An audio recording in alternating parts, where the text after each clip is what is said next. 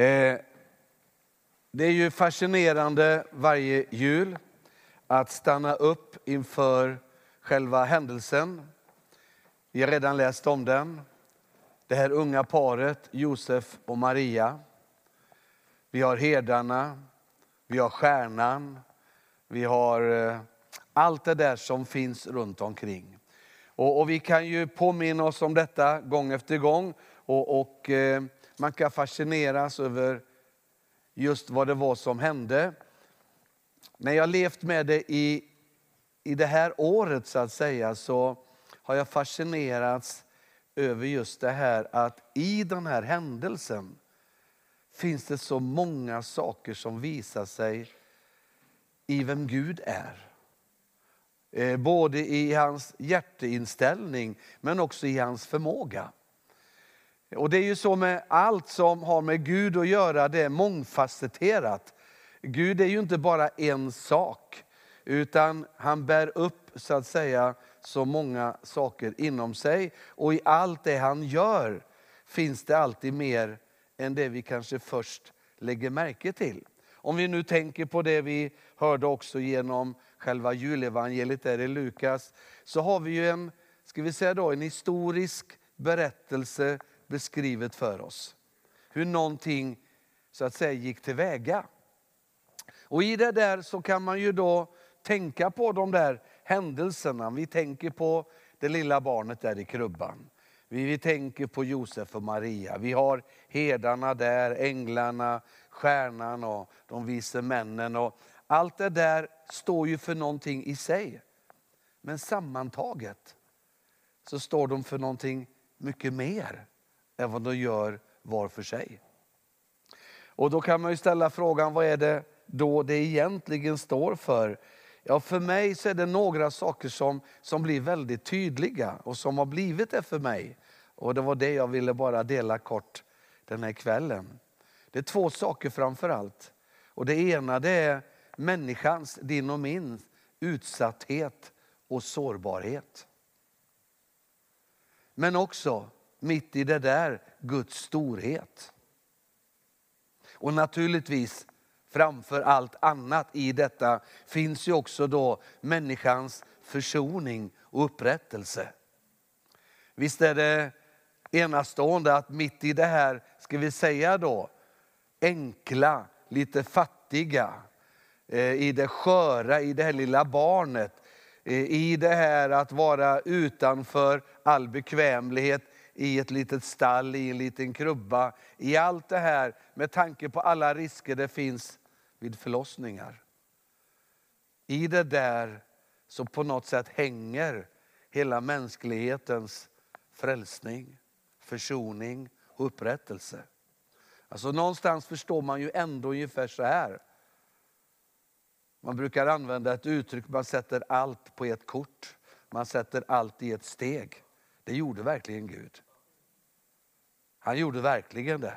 Han hade liksom inte någon B-plan eller någon reservplan utan han, han, han satte allt på att nu, nu måste det gå igenom. Och det är det jag menar då att tänk vilken sårbarhet du möter i det där. Om man vänder på det, det gick ju väl men ska vi säga, det fanns ju hur många möjligheter som helst att det inte skulle gå väl. Hur många möjligheter som helst. Det finns ett uttryck, vi läste här också nu i Lukasevangeliet, när tiden var inne. Då var det dags också för Maria att föda, men i en äldre översättning står det också att när tiden var inne började de här händelserna inträffa. Och Det betyder ju att allt det där vi läser om, det hände ju inte bara liksom av sig självt, bara rakt upp och ner på att nu satte Gud igång det där. Utan det här var ju någonting som var förberett i tusentals år. Gud hade arbetat på någonting, inte så där alltid uppenbart för människan, men Gud hade verkligen förberett för att detta som hände den där natten och de dagarna runt omkring, för det var kritiskt både före och efter själva födseln så hade Gud arbetat på detta och vi kan ju genom Bibeln möta när Gud redan börjar arbeta på det. Och det är ju redan på fallets dag. Alltså när människan väljer att gå en annan väg än den som var den rätta vägen för henne. Så står det ju att Gud talar löften in i det mörkaste utav mörkaste tillfällen. Så säger han, det finns, det finns en annan väg. Det finns en annan utveckling och den ska komma. Och, och kvinnans säd ska söndertrampa ormens huvud och bli stungen i hälen. Och i allt det där så börjar Gud signalera att allt som har gått fel kan komma rätt igen. Och tänk då att det som skulle komma rätt igen var just i det här lilla sårbara utgångsläget. När människans ondska sedan utvecklades, för det gjorde den ju. Det började egentligen genom själviskhet, eh, genom självständighet. Människan ville frigöra sig från att vara beroende av Gud. Människan ville bli lik Gud, förstå och fatta allting. Men ville göra det på en egen väg, inte på den väg Gud hade tänkt. Och när då man valde det, det var där man förlorade det som var själva grunden för hela människans liv, gemenskapen med Gud. Mitt i det där så talar Gud tro in i människan. Men det var ju inte bara det att människan nu hade gjort något som inte var bra. Hon hade också öppnat dörrar för någonting. Och det var ondskan. Och det var det Gud visste. Att om människan inte väljer den väg som är Guds väg, så är det inte bara att man gör någonting som är mindre bra, utan man öppnar för någonting som är extremt destruktivt. Och sen står det ju att när tiden gick så började denna ondska som människan då öppnade upp för etableras och erövras så att säga territorium mer och mer. Så att Gud var tvungen att sända det vi kallar för syndafloden. Och det fanns en familj, tänk att det fanns en familj där också. Som lyssnade på Gud. Som var villiga att göra det de blev hånade för att göra. Nämligen bygga en båt där man inte behövde en båt. Men Gud visste det skulle behövas en båt. Och det var arken. Och ut ur det där så kunde Gud dämpa någonting som människan hade öppnat upp för. Men inte lösa det, bara dämpa det. Och ut ur detta så kom på något sätt människan i ett bättre läge än innan, men fortfarande lika utsatt. Men sen kommer ytterligare de här planerade stegen som Gud hade. Och det var att han kallade en man, en man, Abraham. Som levde i sitt land med sin utgångspunkt, sin kultur. Men Gud nådde fram till hans hjärta och kallar honom att gå en väg som för många verkade väldigt, väldigt förbryllande. Men Gud fick tro i hans hjärta och han genom tro gensvarade och det var Abraham. Och ut ur den mannen började Gud bygga någonting som landar i den där händelsen på juldagsmorgon. Därför att det var där han började förbereda förutsättningarna för Jesus att komma tusentals år senare. Därför att genom Abraham fick han också en ny möjlighet att börja kommunicera med människor på jorden, nämligen genom trons väg. Och genom tron ledde han Abraham. Och Abraham fick genom sitt liv bli en profetisk bild på det Gud senare skulle kunna göra, nämligen att offra sin egen son, också på Moria berg. Och sedan genom profeterna så gav han regelbundet genom tiden signaler om hur Guds räddningsaktion skulle fullbordas. Och tänk att vi har de vi redan har läst ifrån Jesaja, men vi har ju ännu mer detaljerade. Att räddningen från Gud, som då har blivit beskriven på olika sätt, skulle komma in i världen, komma in i tiden genom en jungfru. Så när Maria, när Maria fick det, där tilltalet ifrån Gud, vill du bli redskapet, så hade hon ett skriftens ord. Att kunna veta att detta kommer ifrån Gud. Hur skulle hon kunnat relatera till den kallelsen annars?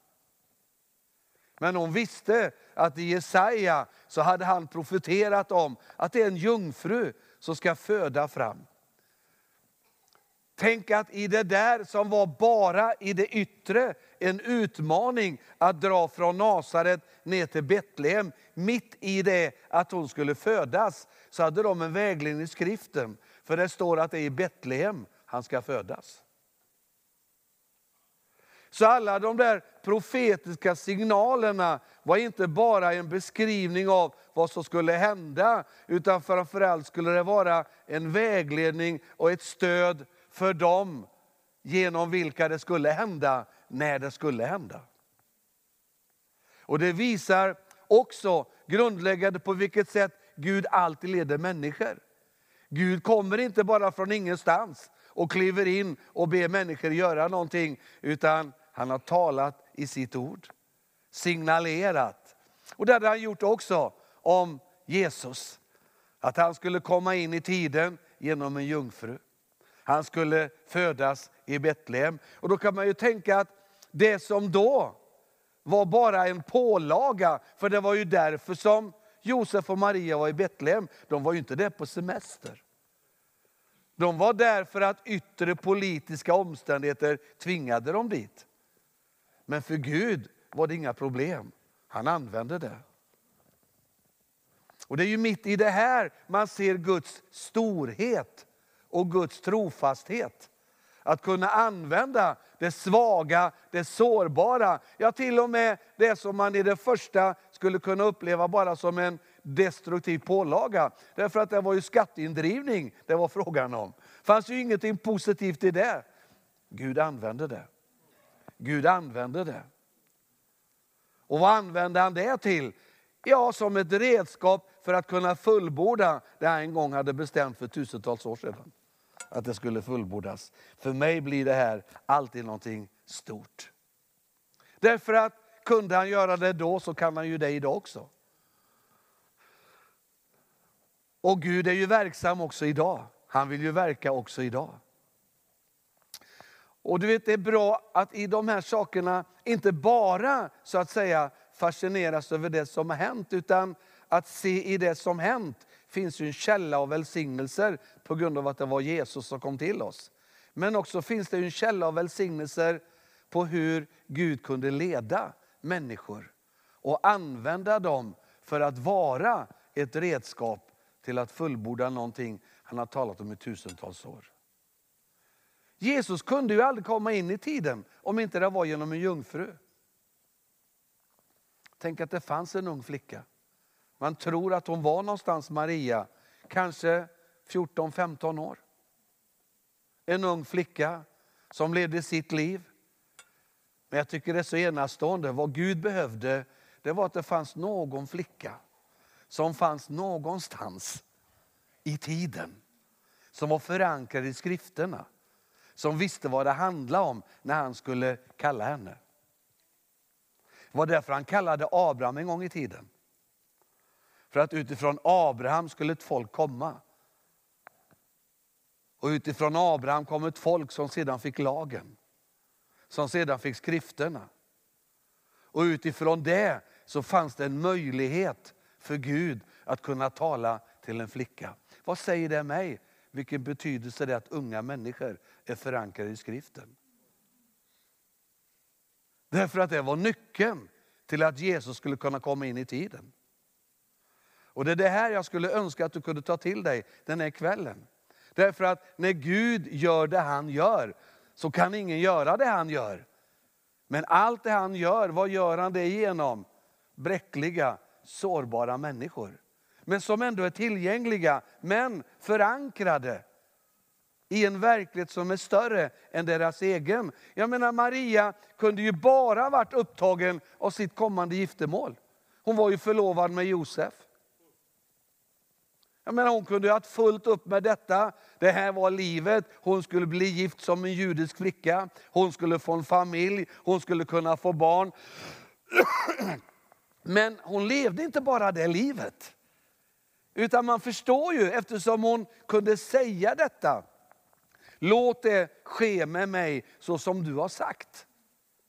Det hade hon ju aldrig kunnat säga om inte hon var förankrad i en relation med Gud. Om hon inte varit förankrad i relation med skrifterna. Hon skulle ju blivit totalförvirrad. Så även fast hon var förankrad så skakade det ju om. Va? För hon säger, hur ska jag kunna föda något? Jag har ju inte varit tillsammans med någon man. Ja, men då säger ängeln, det ska ske genom ett mirakel. Den helige ande ska befrukta dig. Men hade hon inte haft ett ord att förankra sig i, hade hon aldrig fattat ett smack. Va?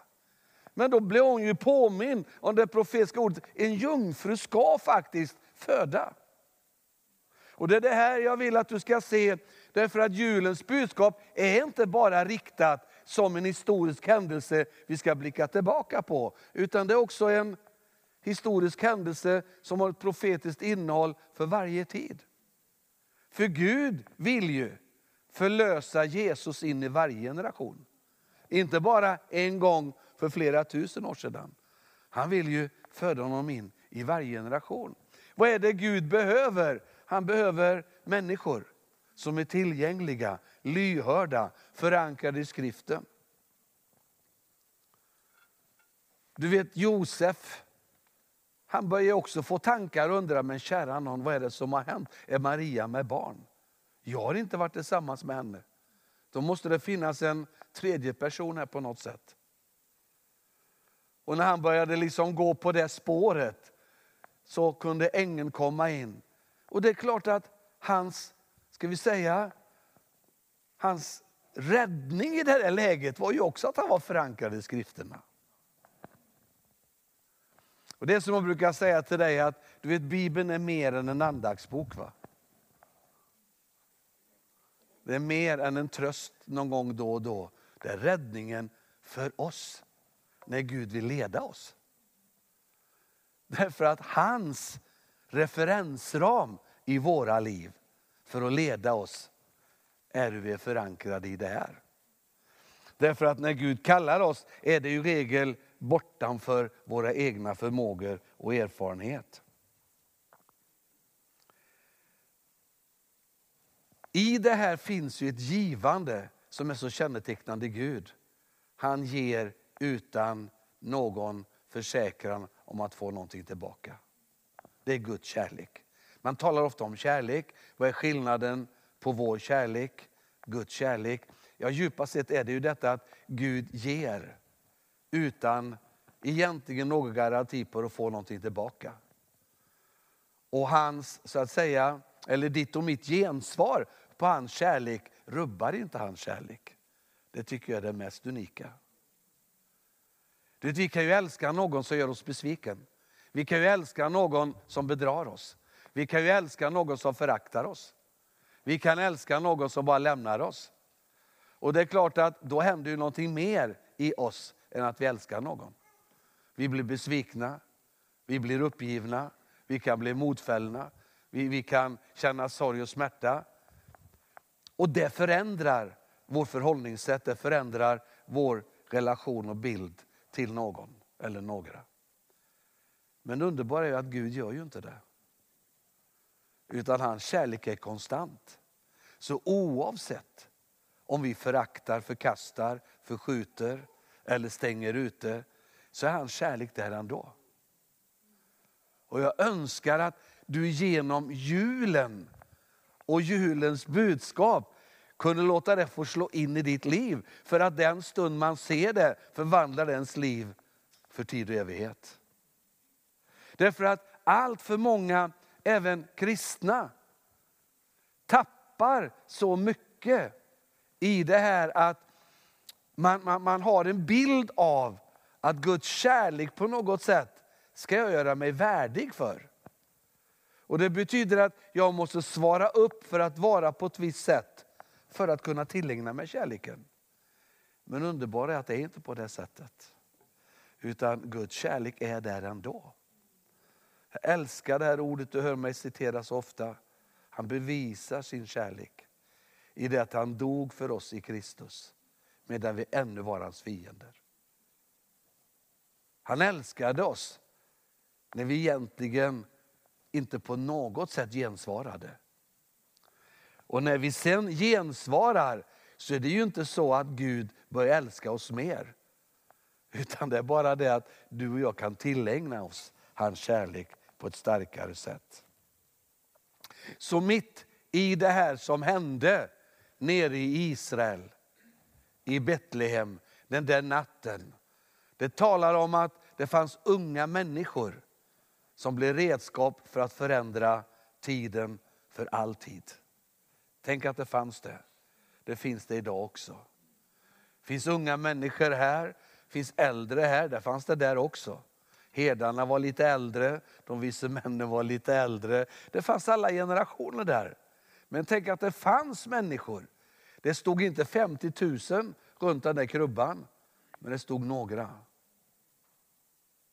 Det fanns en Maria som var tillgänglig. Det fanns en Josef som var tillgänglig. Unga, tonåringar.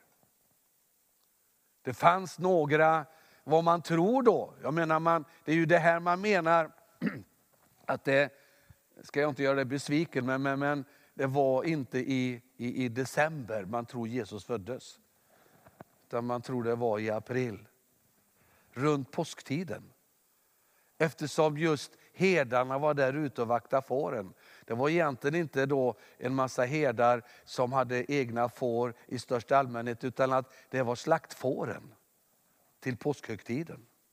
Och att det var så trångt om härberge, det var därför att påskhögtiden är en stor högtid.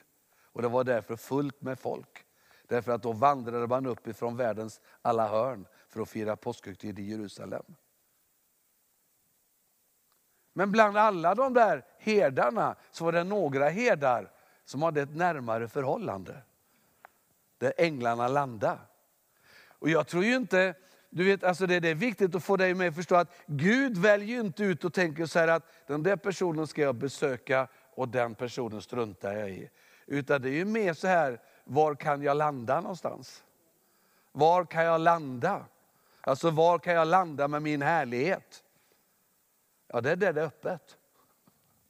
Det är där det är öppet. Och där fanns det några herdar som var öppna. Och de fick ett himlabesök och änglabesök. Och de, mitt i det där som var deras arbetsuppgifter, fick de ett möte som de aldrig hade varit med om. Och det där är din och min möjlighet också idag. Ingen av dem hade ju liksom en tanke på att den här dagen blir en sån dag. Men det blev det. Och de var tillgängliga. Så Guds förmåga i vår sårbarhet. Tänk att han kunnat, tänk att han har kunnat göra allt det Gud har gjort igenom människor. Trots att vi är som vi är. Ja, men då finns det också ett hopp att det finns en möjlighet framåt också. Men vad är din och min utmaning? Ja, det är egentligen att, förstå mig rätt, inte bara tacka Gud för det han gör, utan också tacka att det finns en möjlighet att du också kan bli ett redskap för det. Att vi kan också bli det i vår tid. va? Därför att Josef och Maria var inga supermänniskor, men de var lyhörda. De var förankrade i rätta saker. Herdarna var inga superherdar. De vise männen var inga supermän. Utan det var bara att det var människor som levde i sin tid, som bar en längtan, som var öppna, som var tillgängliga. Och de kunde Gud dra ihop. Från lite olika håll och hörn. Och när han fick dem att komma tillsammans så kunde han genom allt detta, svaga, sårbara människor, förverkliga det som har förändrat mänsklighetens historia för alla tider. Det är möjligt också att kunna göra det framåt. Så vi tackar dig Fader för att du vill uppväcka i våra hjärtan både en tacksamhet